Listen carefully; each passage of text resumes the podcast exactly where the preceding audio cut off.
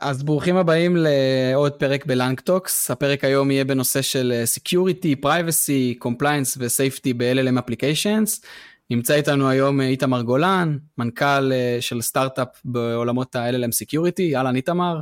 נעים מאוד, כיף להיות פה. מעולה, אז ככה גם גל וגם איתמר מגיעים מעולמות ה-security, אז אני אנסה ככה לנסות להוריד לקרקע את הדברים ולהפוך אותם למאוד פרקטיים בפרק, אז קדימה בוא נתחיל.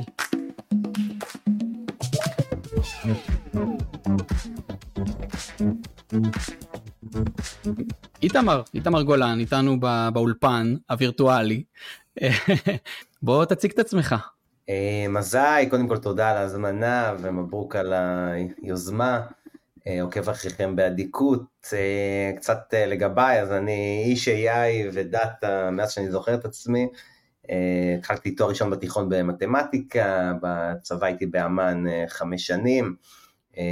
בעולמות ה-data science, עוד לא קראנו לזה ככה, היו כל מיני Buzzwords אחרים, data mining ודברים דומים, אבל בגדול עבודת data לדומיינים סביב cyber security. ואחר כך השתחררתי, תואר ראשון ושני במדעי המחשב עם התמחות ב-machine ו-deep learning.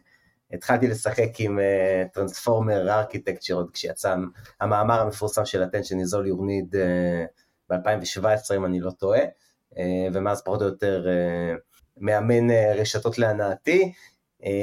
במקביל משרות בהתחלה יותר תיאורטיות, מתמטיות של data science, לפתור בעיות יחסית מורכבות פחות כזה של off the shelf לעולמות ה-finance וה, וה-health, גם התזה שלי בעולמות האלה.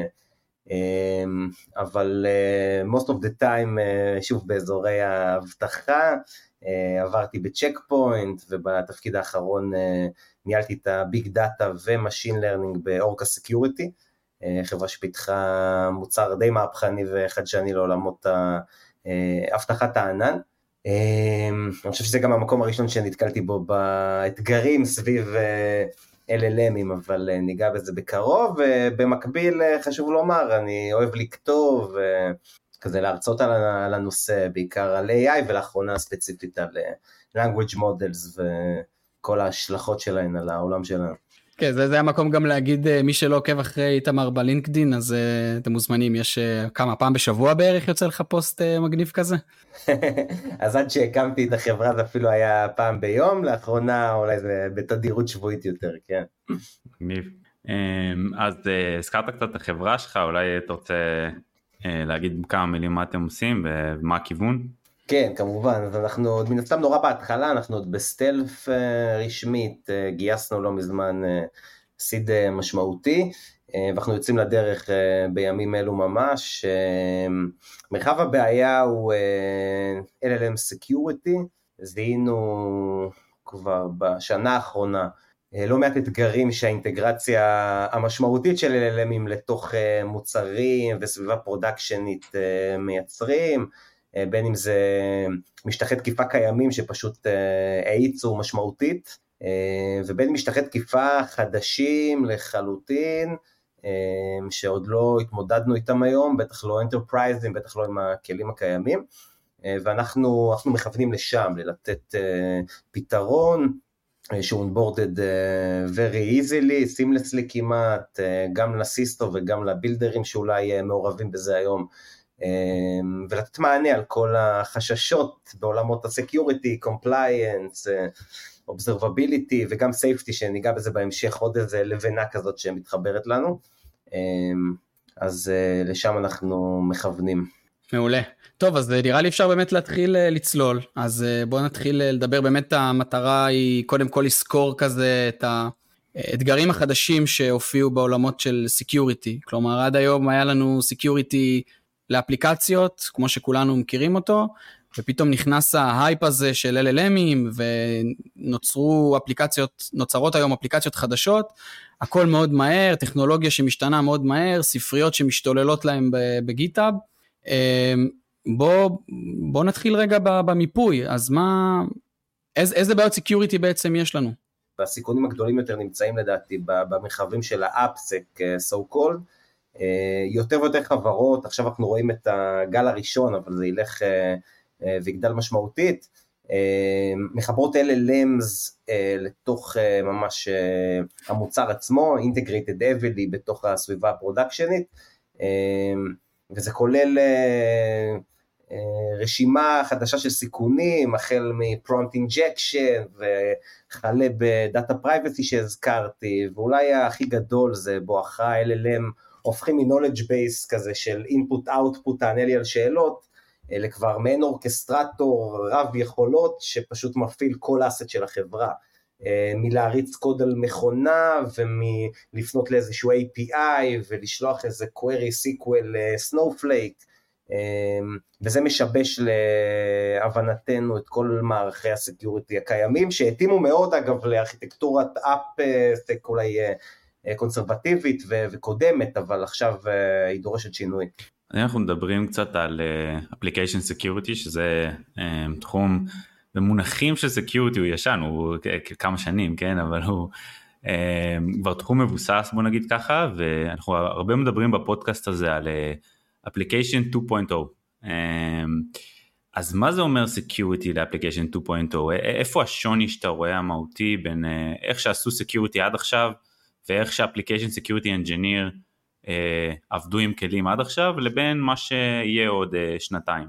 אז application 2.0 זה טרמינולוגיה אה, מעניינת אני מניח, אתה מתכוון לשינוי ארכיטקטוני שנובע משימוש ב-LLMים, כן? כן, כן, בדיוק, שה-LLM הוא המרכז של האפליקציה. אה, בדיוק, אגב, בהקשרים האלה אני ממליץ לכולם, אה, Andreessen Horowitz, הקרן, כן, אה, שזה מוזר, עשתה עבודה מקיפה ומדהימה עם בלוק כזה שמתאר את הארכיטקטורה החדשה, אז סתם כסייד נוט כזה, אם אפשר אולי גם לשים איזה לינק. אתה עושה ספוילר לפרק שאנחנו מתכננים. אז סורי, אפשר לקטוע את זה בעריכה. אם אני הולך לאפסק, לא אגיד ישן, אבל הקלאסי, בסוף לכל חברה, מוצר, היו כמה API, כמה endpointים שמקבלים ריקווסטים מכל מיני uh, uh, מקורות, ואולי גם כמה פרמטרים ומחזירים ריספונס. Uh, אגב, גם אתגר גדול, גם לא פתור לחלוטין, אבל בשביל להתמודד עם זה בצורה לא רעה, הספיקו כל מיני אה, מנגנונים קלאסיים של אבטחה, בין אם זה אה, pattern matching ורגקסים ויוריסטיקות ואולי גם אה, classical anomaly detection, להבין מי בדרך כלל פונה ומתי הוא פונה, לאיזה end point ועם איזה פרמטרים, ובעצם עכשיו יש ליפ נורא משמעותי למרחב בעיה אחר לחלוטין כמעט. ממשהו בדיד ויחסית constraint כזה, פתאום אנחנו עוברים לשפה טבעית, שהיא unstructured אה, והמון חברות אה, מטמיעות אה, בסוף on top of ה-LLM הזה איזשהו ממשק של שפה טבעית, ופתאום הלקוח או הפוטנציאל הטאקר יכול לדבר עם ה-LLM, שמאחורי הקלעים גם מדבר עם כל שאר העסקים של החברה, באנגלית או בסינית, ואתה מלכתחילה, וזה משהו שאנחנו רואים אצל הרבה חברות שאנחנו מדברים איתן, אתה מכוון ל-use case נורא ספציפי, אתה רוצה שה-LLM שלך בחברת אדטק יעזור לך לתכנן מהר מודעה. אבל uh, אתה לא חושב כמפתח על כל ההשלכות האחרות של הכוח שנתת לו. Uh, ובעצם אם באותה אנגלית שכבר uh, היא הרבה יותר מורכבת מלתפוס איזה social security number עם רגיקס, uh, אותו potential attacker uh, גורם ל-LLM to jailbreak, שזה המושג עכשיו שחוגג, או prompt injection, אבל בגדול הפואנטה פה היא אחת, אם אתה גורם לו לצאת ממרווח ה... ממרחב הפעולה שתכננת לו, אה, ולהתחיל לגשת למקומות שהוא לא צריך ולעשות דברים שהוא לא אמור, אה, אז כבר אותם כלים קלאסיים של אה, anomaly detection ו-pattern matching כבר לא מספיק טובים, ולטעמנו, כמו שאומרים בעברית, באש צריך להילחם באש, ולזהות מתי באמת הוא חורג מתפקידו ומתי מישהו מנסה לחילופין לגרום לו לחרוג מתפקידו. דבר אחרון אולי בהקשרים האלה, המון עבודה שנעשתה באפסק קלאסי, הסתכלה על מה האינבאונד, מי פונה, מה הוא שואל וכולי, כאן אנחנו רואים המון אתגרים, וזה לא רק ספקולציה שלנו משאלת לב, אלא ממש החברות עצמן מציפות אתגרים ב-outbound. אם אני עכשיו כמערכת מבוססת LLM מדבר באנגלית עם הלקוח, איך אני, איך אני מוודא שאני לא נותן לו תוכן שאני לא אמור לתת לו, וזה מרחב בעיה חדש שנוצר כאן. cool, cool, אז אם, אם אנחנו רוצים קצת להעביר את זה משהו יותר פרקטי, איך, בוא, בוא ניקח איזה use case של היום של application security, use case יחסית מוכר, כל ה-injection attacks, והאם יש פה איזשהו משהו שונה כשה-LLM הוא במרכז של האפליקציה? שאלה מעולה. אני חושב שהדוגמה הקלאסית ביותר זה SQL injection, שכל חובב סקיוריטי מכיר, אה, איך אנחנו מוודאים שמה-user אה, לא מתקבל איזשהו input שבסוף אה, גורם לתשאול לא נכון של ה-database, שמוביל למשל לדליפה של data רגיש. למשל, אם רציתי שה-user יתשאל events שהיו לו במערכת, יכול להיות שב-input מסוים הוא בכלל ניגש לטבלה שמכילה סיסמאות של העובדים בארגון שלי, לא תודה. וזאת בעיה שלמה שהמון חברות uh, התעסקו בה שנים רבות ויש לה פתרונות יחסית סטנדרטיים, אגב בין היתר כי SQL הוא יחסית uh, אז מלכתחילה אני יכול להכין כמה templates שמתאימים לי ל-use cases שאני מצפה שהמערכת uh, מבחינה פרודקטית תספק ללקוח, אה, ואז שם אני לאט לאט סוגר את כל הפינות, מוודא שה-input הוא בדיוק מה שציפיתי ושזה לא חורג מה-template שרציתי ו- וסוג של פתרתי, אני עושה פה איזו הפשטה מסוימת, כמובן שזאת בעיה יותר גדולה, אבל uh, זה לגבי SQL. כאן למשל, פתאום אני מקבל שוב טקסט באנגלית, שיכול לעשות הרבה דברים, אבל בין היתר למשל לתשאל database, ואותם builders, שעסוקים בהמון בעיות אחרות, אה, בכלל לתפעל את הדבר הזה, לעשות איזו orchestration, monitoring, debugging, אה, כמו שאנחנו אוהבים לומר, מפתח, אה, לא חסר אחריות, אבל הדבר האחרון שהוא נמדד על בסיסו זה ה-security וה-posture, אמ, אז נתקלנו בלא מעט חברות שפשוט דרך ה-interface הזה של השפה הטבעית שולחים את ה-prompt ל-LLM, אגב לא משנה אם הוא third party, OpenAI, Anthropic או איזה Vicuna שהם הביאו לתוך הארגון, ועכשיו הוא מפעיל דרך LangChain או משהו דומה איזשהו tool, וה-tool הזה יכול להיות uh, קריאת SQL ל-Snowflake. אה, אבל שם כבר אין הקפדה יתרה על אה, מה בדיוק ה-SQL שתורגם מהבקשה אה, באנגלית או בצרפתית, וכל המנגנונים, כולל אגב כלי security קיימים שפשוט לא יושבים שם, הם לא יושבים בארכיטקטורה הזאת של LangChain או LlamaIndex או, או Guidance של מייקרוסופט, אין לך כבר control, אין לך בקרות, ו-SQL injection חזר להיות בעיה גדולה משמעותית שאתה לא יכול לטפל בה. אה, דוגמה אחרת, אני אגיד רק ב-20 שניות, חברות אחרות למשל, בשביל להאיץ כל מיני תהליכים ולתת פונקציונליות סופר מגניבה, אה, גם דואגות שה-LLM הזה למשל יריץ איזשהו קוד אה, על איזושהי מכונה, דמיינו איזשהו EC2 קטן שיושב באחד מהאקאונטים, לא דוגמה מופרכת, כבר אפשר לראות את זה בפלאגינים ב-ChatGPT, ועכשיו אתה בקלות יכול לאפשר ללקוח או אותו תוקף פוטנציאלי להריץ קוד שהוא מלישס על אותה מכונה ומשם פחות או יותר להתגלגל לכל מתקפה אה, שאנחנו מכירים. אה, אז זה ככה overview על, על החשש, דוגמאות אה, לא תיאורטיות שאנחנו כבר אה, מתחילים לראות ושילכו ויגדלו דרמטית ברגע שנותנים ל-LLM האלה אה, כלים וגישה ל-tools. מגניב, כן, האמת שלי ולגל גם יצא להתקל בקטע הזה של ה-SQL injection, שכש... בוא נגיד כשה-case שלך הוא פנימי, כלומר כשמי שיוצר את ה-SQL query הוא למשל בן אדם שעובד בארגון, אז אתה קצת פחות מפחד שיהיה איזה injection, כי בסוף זה בן אדם שכבר גם ככה יש לו את ה-permissions לעשות מה שהוא רוצה ב-DB, כנראה.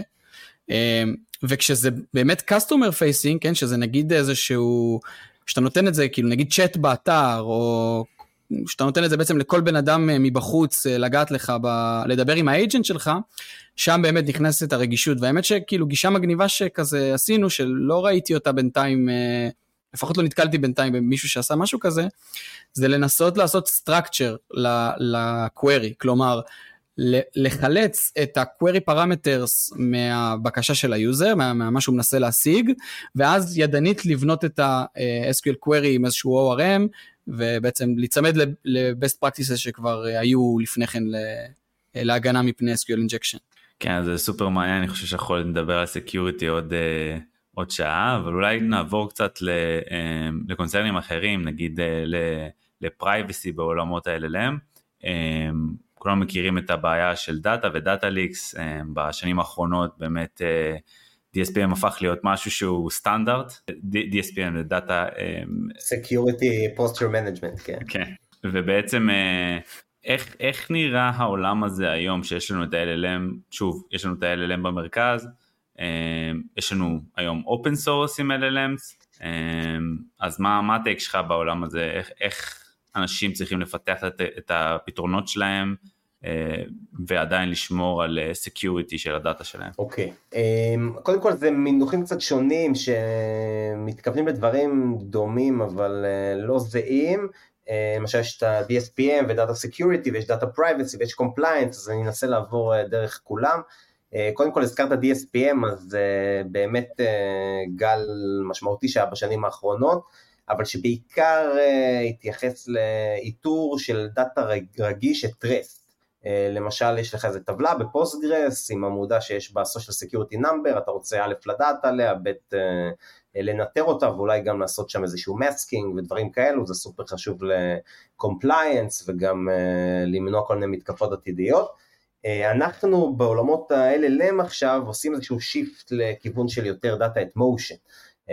וזה נוגע בכל מיני נקודות, אני חושב שאולי הכי קלאסית זה שבשביל לתת פתרונות טובים, וראינו את האתגר הזה עוד כשהיינו באורקה, אני עכשיו איזשהו מפתח באיזושהי חברה, אני רוצה להשתמש ב-LLMים ו LangChain וכל ה stack הזה שעומד לרשותי בשביל לפתח פונקציונליות מגניבה, בדרך כלל אני צריך בשביל זה דאטה של לקוחות שאני מביא מה database או מהאינפוט שהוא נתן לי, ועכשיו אני משתמש בקסם הזה שנקרא OpenAI או כל דבר אחר, בואו כרגע עוד לא נפריד בין open source ל vendors כאלה third parties, ואני שולח להם איזשהו prompt template שמכיל את הנתונים האלה בשביל לקבל את התשובה שייחלתי לה, אבל כאן כבר עשיתי איזושהי עבירה. יש למשל סוג של פתרונות עבור זה, אם אני משתמש בסרוויס של OpenAI ב Azure, אז הם נותנים לי כל מיני, נקרא לזה, הנחות יסוד בעולמות ה compliance, והרבה CISO-ים מסתכלים על זה כמו עוד service בקלאוד, אבל אם אני משתמש ב-OpenAI זה לא ממש נכון. ואני לא מקבל את כל ה guarantees שאתה זקוק להם גם מול החוק, גם מול הרגולציה, אבל גם מול ההבטחות שלך ללקוחות. ואני חושב שפה למשל יידרש כלי שא' כל מזהה את הדליפות האלה, מתריע עליהן, ואולי גם עושה סוג של סניטיזציה לפני ואחרי. זה משהו שאגב אפשר לפתח אינאוס גם, זה לא rocket science, אבל זה הופך להיות מאוד מסוכן, אגב, לא רק בגלל הדליפה, כי הדליפה היא לא חדשה, אלא בגלל שבכל מיני API, עם OpenAI ספציפית נותנים איזושהי הבטחה שהם לא ישתמשו בזה לאימון, אבל uh, אתה לא באמת יודע לאן זה אחר כך מתגלגל, ואם חלילה זה נכנס לאיזו איטרציה, לאיזשהו epoch uh, ב training set בעוד חודשיים, אז פתאום uh, כשכל העולם ישלח קריאה ל-API הזה עם ה prompt הנכון, לך תדע מה ידלוף ומאיפה, ויש מצב שזה מטעות שלך. Uh, אז זה נושא אחד.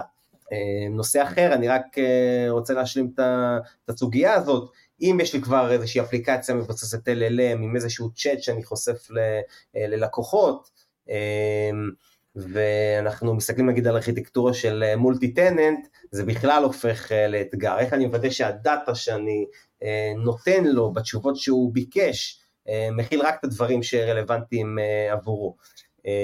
הזכרת open source, היום הרבה חבר'ה לוקחים מודלים משיקולים של cost ו-fine-tuning ועכשיו uh, זורקים לשם המון דאטה ממולטי טננט כזה ועכשיו יש לך מודל אחד עם weights unified לכל ה-use cases שתרצה ואין לך באמת שליטה מה יוצא בדיוק ולאיפה uh, ולכן יש פה אתגר שלם של נקרא לזה סגרגציה או authorization, אה, אתה לא באמת שולט אה, במה מתוך מה שאימנת יגיע לבקשה בקצה, אה, וזה אתגר עצום, שהוא כרגע בכלל לא פתור. מעניין.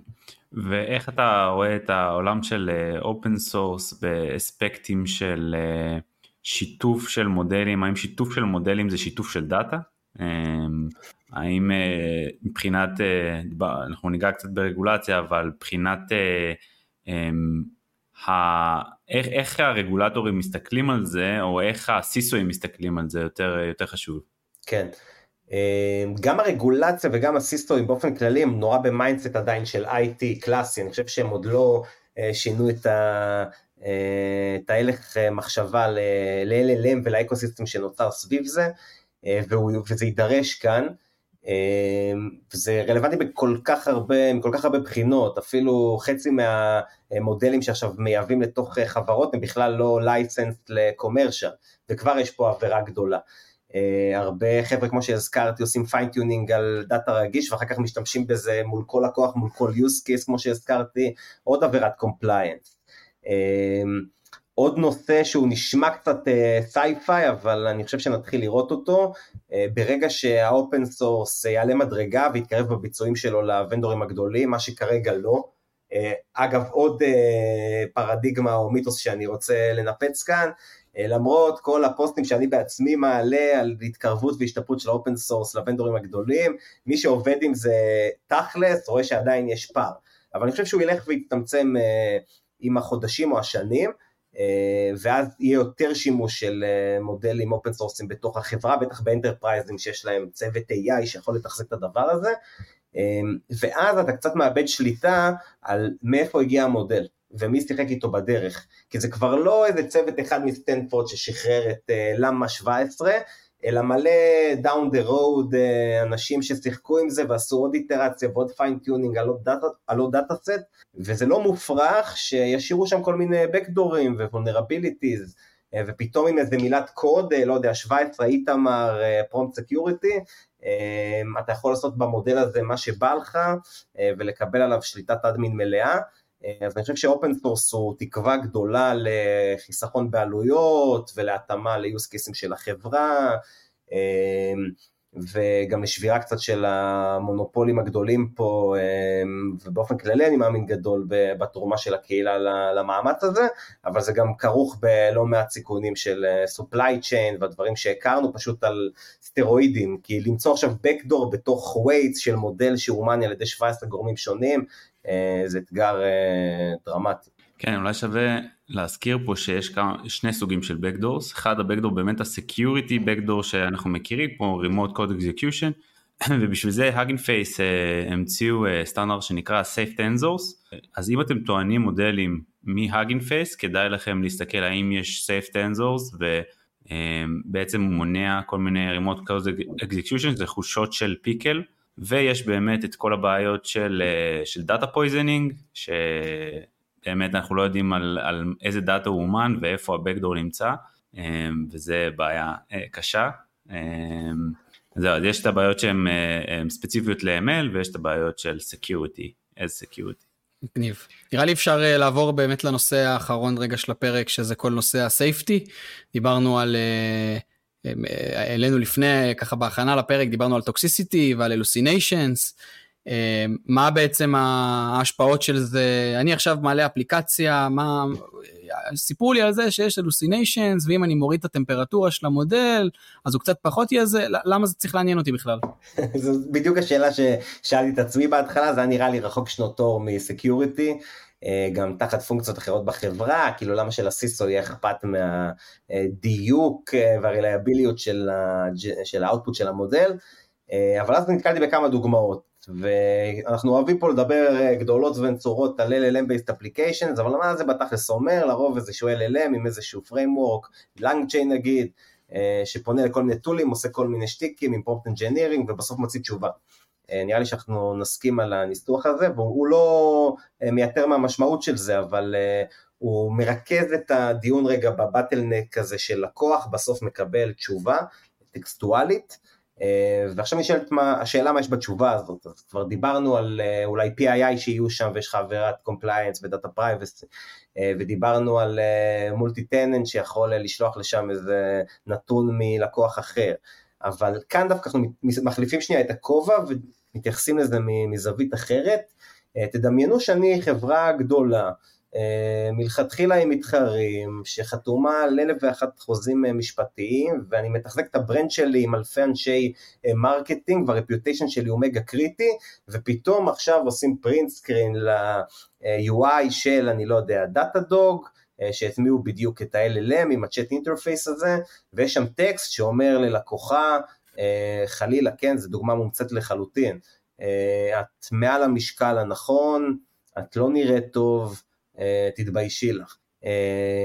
וממשהו שהוא נורא אנקדוטיאלי כזה, זה הופך לדאגה עצומה, שאנשי ה security וה-CIO וה legal כי אתה חסר שליטה פה, יש לי איזה מודל שפה כזה נורא חכם שאני מנסה to guard railing ולגרום לו להתנהג בצורה הרלוונטית ואני חושב נורא על security אבל הנושא הזה של toxicity ושל אה, בכלל חוויה שהיא harmful ל customer אה, אה, ושעלולה להוביל לתביעות ולפגיעה ב brand reputation זה הופך לנורא מטריד וזה בכלל בלי לדבר על hallucination, כלומר נטו output שהוא לא מבוסס עובדות וקשור למציאות, שגם זה פתח לאותן סכנות שתיארתי מקודם. אז אם אנחנו כבר אה, שנייה עולים כמה מיילים ומדברים על הסכנות הכרוכות בשימוש ב-LLM בתוך production, אה, אה, אז מצד אחד יש את כל המרחבים של ה AppSec ושל compliance ושל data privacy, אבל גם ה toxicity וה safety זה הופך, ל... הופך לדאגה לא קטנה עבור enterprises יותר ממה שחשבתי אפילו בהתחלה. אז האמת מהניסיון שלי כאילו חברות שכזה אני בקשר איתם הנושא של טוקסיסיטי פחות מטריד אותם. הם בעצם אומרים אנחנו בקדמה הטכנולוגית ואפשר להסתייג די בקלות מזה שנתנו איזה תשובה ככה לא במקום להגיד אה סליחה אנחנו משתמשים בטכנולוגיה הכי חדשה בעולם ומה לעשות מתפלק לפעמים לא התכוונו זה, זה נעשה באופן אוטומטי. מה שמעניין בעיניי בהיבט של האלוסיניישנס אמ, הסיכון שמה זה שלפעמים המודל יכול להמציא מידע כן אלוסיניישנס כן כל הקטע הזה שהמודל ממציא איזשהו מידע שהוא פשוט לא נכון, והוא יכול גם להגיד אותו גם מאוד בביטחון. הבעיה שם שהחלק מהאפליקציה שלך יכולה להסתמך על המידע הזה, ואז אתה תתחיל להוציא אאוטפוטים שהם פשוט לא נכונים, ואין לך מושג גם למה. כי אף אחד לא אומר לך שהמידע הזה הוא אלוסינטד, אז אתה צריך לעשות כל מיני ולידציות, לפעמים אתה גם לא יכול לעשות אותם, כי זה מידע שלא, שקשה לך לבדוק אותו בצורה שהיא יותר structured, ואז בעצם נכנס פה כל ה... כאילו פה נכנסת הבעייתיות אה, באפליקציות שהן ב production. אני כל כך מסכים וזה אפילו גדל שבעתיים ומתחבר לנושא של ה security שדיברנו מקודם, הייתה דוגמה קונקרטית שכבר קרתה, שאתה גורם לו עם data poisoning, או פשוט מנצל את ה feature האינהרנטי הזה של hallucination, שנגיד לבקשות מסוימות של קוד, אומר לך לעשות אימפורט לאיזה חבילה שלא קיימת. ואתה דואג להעלות את החבילה הזאת מלכתחילה עם כל ה... אה, הזדוניות שיש לך מראש, ותדמיינו כבר שזה תהליך אוטומטי שכבר מרים מכונה ומתקין את המכונה עם איזה פי-פאר requirements, והנה יש לך אה, את הקוד המלישס כבר שם שרץ, אז בעיניי זה סוגר מעגל די יפה, הלוסיניישנס וסקיוריטי, אה, אתגר גדול. מגניב, אז אולי נדבר קצת על compliance, יש היום איזשהו איזשהו גוף שהוציא איזשהו חוקי כמו שאנחנו מכירים את GDPR למשל, יש איזשהו משהו שחברות חייבות או שזה עדיין בגדר המלצות? או-הו, אני מחכה לזה בקוצר רוח, לדעתי יגיע ובענק, יש כל מיני אמנות אה, באירופה שחררו למשל את AI Act, אם אני לא טועה, שמתחילה לדבר על האזורים האלה, אבל היא לא הייתה מספיק אה, מדויקת ומקיפה, יש בארצות הברית עכשיו מאמצים גדולים, אבל זה עוד בגדר כזה אה, פילוסופי ואקדמי, לא משהו קונקרטי. אמ, בעיקר המון קבוצות חשיבה שמנסות להאיץ תהליכים, אני למשל חלק מקבוצה של OWASP, Top 10 Risks ל-LLM Based Applications, שאמורה לדעתי בטווח של כמה חודשים, שנה, לגזור גם ממש אה, רגולציה, אמ, כי כמו שאמרתי בהתחלה, היום אנשי ה legal וה security פועלים על פי אה, אמנות ורגולציות שנורא חושבות IT קלאסי, AppSec אחד כמו שאתה קורא לו, אה, ואולי יש השקות נגיד במרחבים של ה data privacy, כי, כי זה גם מטריד בעבר. אז יש היום חלקים ב-GDPR ובקליפורניה Consumer Privacy Act וב-HIPAA של health בכלל, שכן, זה מתחבר לפה, אם אני זורק, אה, אני לא יודע, נתונים של אה, מצב הלחץ הדם של אה, ג'ון, אחד הלקוחות שלי לאנתרופיק API, אז כן, עברתי על הרגולציה הזאת, אבל באזורים היותר רחבים ו-disrupted בגלל הכניסה של LLMs, כל המרחבים של prompt injection ו-safety אמ, והחיבור לאג'נטים ואיך זה משליך על הפוסטשר הארגוני שלך, יש עוד uh, פער משמעותי, מה שיפה וקורה עכשיו זה שיש כן הבנה משמעותית של כל ה... הזכרתי את ה-OWASP הזה, אז כל ה-CISOים וה-CIO של החברות הכי גדולות בעולם, GitHub ו New Relic ו Slack ו Hugging Face וכולי, אז כולם כבר ממש מודעים לזה, הם יותר מודעים, אגב כמוני, בצניעות, שהעולם הזה כל כך גדול ומשתנה לנו מול הפנים, שאנחנו לא יודעים אה, עדיין איפה החששות הכי גדולים לגביו, אבל שהגיע הזמן להתחיל לתחקר את זה אה, ולבנות את ה guardrails הנחוצים, גם מבחינה אה, רגולטורית. אה, אחרת אגב, ויכול להיות שזה יקרה לפני, ולצערי זה כן יקרה לפני, אני מאמין שבחודשים הקרובים, בגלל ה adoption, ההזוי של LLMים, across the board, כל חברה, כל אינדסטרי, כל אדם, אה, יתחילו להגיע כל מיני מתקפות ואירועים מבישים לחברות, לממשלות וכולי, ואז זה כנראה יאיץ משמעותית פה את, ה, את הרגולציה, שכרגע היא עוד לא מאוד fine-tuned לדברים ששלושתנו מבינים. טוב, אז דיברנו ככה על הרבה בעיות, הרבה סיכונים, privacy, security, compliance. בואו שנייה ננסה להסתכל על הצד החיובי של הדברים, קצת על פתרונות, best practices, אני היום product uh, manager, מפתח, CISO, על מה חשוב לי להסתכל, איך כדאי לעשות דברים. Uh, אז איתמר, מה, מה המחשבות שלך? alright, right. אז אני אתחיל ואגיד אחרי כל ההפחדות שלי שזו המהפכה הכי גדולה מאז האינטרנט לדעתי ושיש פה הרבה יותר פוטנציאל מסיכון אז תאמצו ותהנו אה, חברות ואנשים ירוויחו מזה המון, פשוט לעשות את זה בזהירות ובתבונה. אה, לדעתי יש כבר אה, כמה צעדים ו-best practices שאם אנחנו מאמצים אותן אנחנו מורידים את הסיכון משמעותית. הראשון למשל, והזכרנו אותו, תימנעו מלתת לו גישה ישירה ל-sensitive data ו-PII ו-intellectual property של החברה. אם אין ברירה תנסו לעשות לו סניטיזציה, כלומר לזהות את הדאטה הרגיש לפני שאתה שולח אותו למערכות האלה, להחליף אותו באיזה טוקנים אחרים ובחזרה להצמיד אותו מחדש, זה נגיד גם אחד מהפיצ'רים שאנחנו מפתחים היום ב Prompt. אמ, דבר נוסף, אה, עד כמה שאפשר ובצניעות המתבקשת כי אנחנו עוד לא מספיק מכירים את המערכות האלה ב production, אף אחד מאיתנו. היום הספרייה הכי מפורסמת, LangChain, היא גם לא מאוד production oriented. אז בואו נשתדל כולנו לשים עדיין איזשהו man in the middle, לי הזכיר מקודם למשל את זה שלא ניתן ל-LLM לפנות ישירות ל database, אלא נבנה איזשהו מנגנון באמצע שעושה איזה אה, של הבקשה בשפה טבעית לכבר template ב SQL, אז זו דוגמה מעולה ל-Man in the middle או משהו כזה שמצמצם סיכון.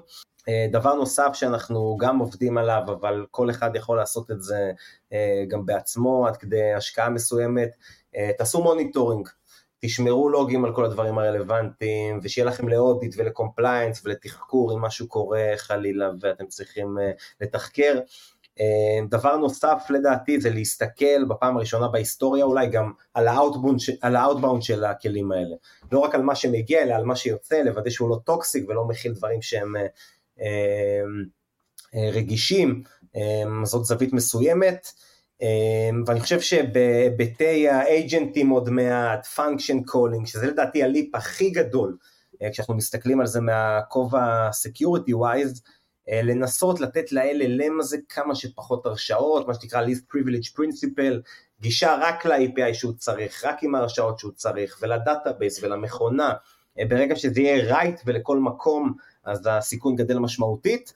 Uh, כל זה בטח עד שיש כלי security in place, uh, שזה דבר שאנחנו היום מפתחים ואני מניח גם חברות אחרות בעולם, uh, שייתן מעבר ל guidance ו policy גם uh, כלי טכנולוגי שמקטין לך את הכאבי ראש האלה מלכתחילה, אבל עד אז לדעתי להקפיד על כל הדברים האלו, ואני לא יודע אם נשיג פה לעולם הגנה מושלמת, בטח כשעברנו לעולם רציף של שפה טבעית, אבל אה, להתקרב ל-99% הזה ולהקטין את החששות אה, משמעותית. כן, אני חושב שזה קצת מתחבר לטיפים שאנחנו נותנים בכללי לפיתוח אפליקציית LLM. יש trade off תמיד בין uh, כמה אתה מאפשר אוטונומיה ל-LLM לעומת כמה אתה קושר לו את הידיים ומפתח אפליקציה כמו שפיתחנו אפליקציות עד עכשיו וגם ב security כנראה שאתה תצטרך לקחת את, המחט הזה לכיוון של אה, פיתוח רגיל בשילוב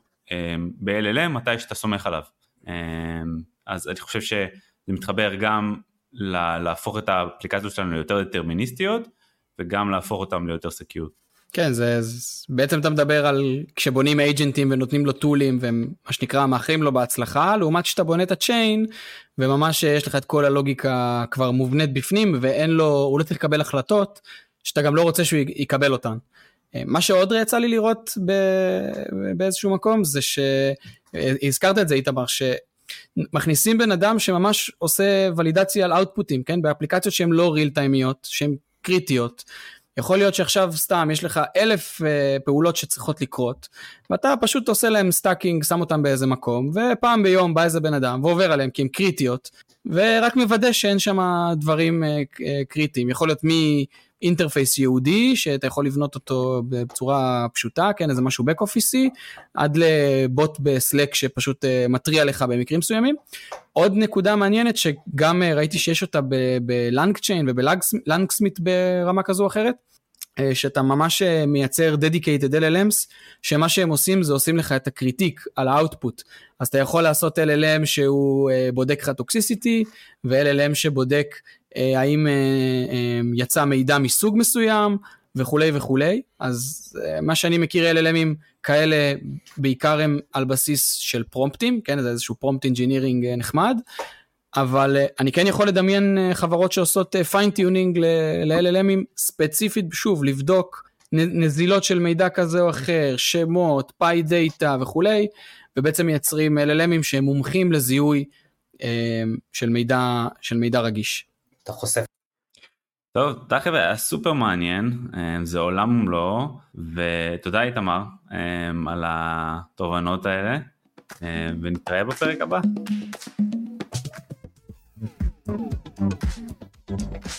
Thank you.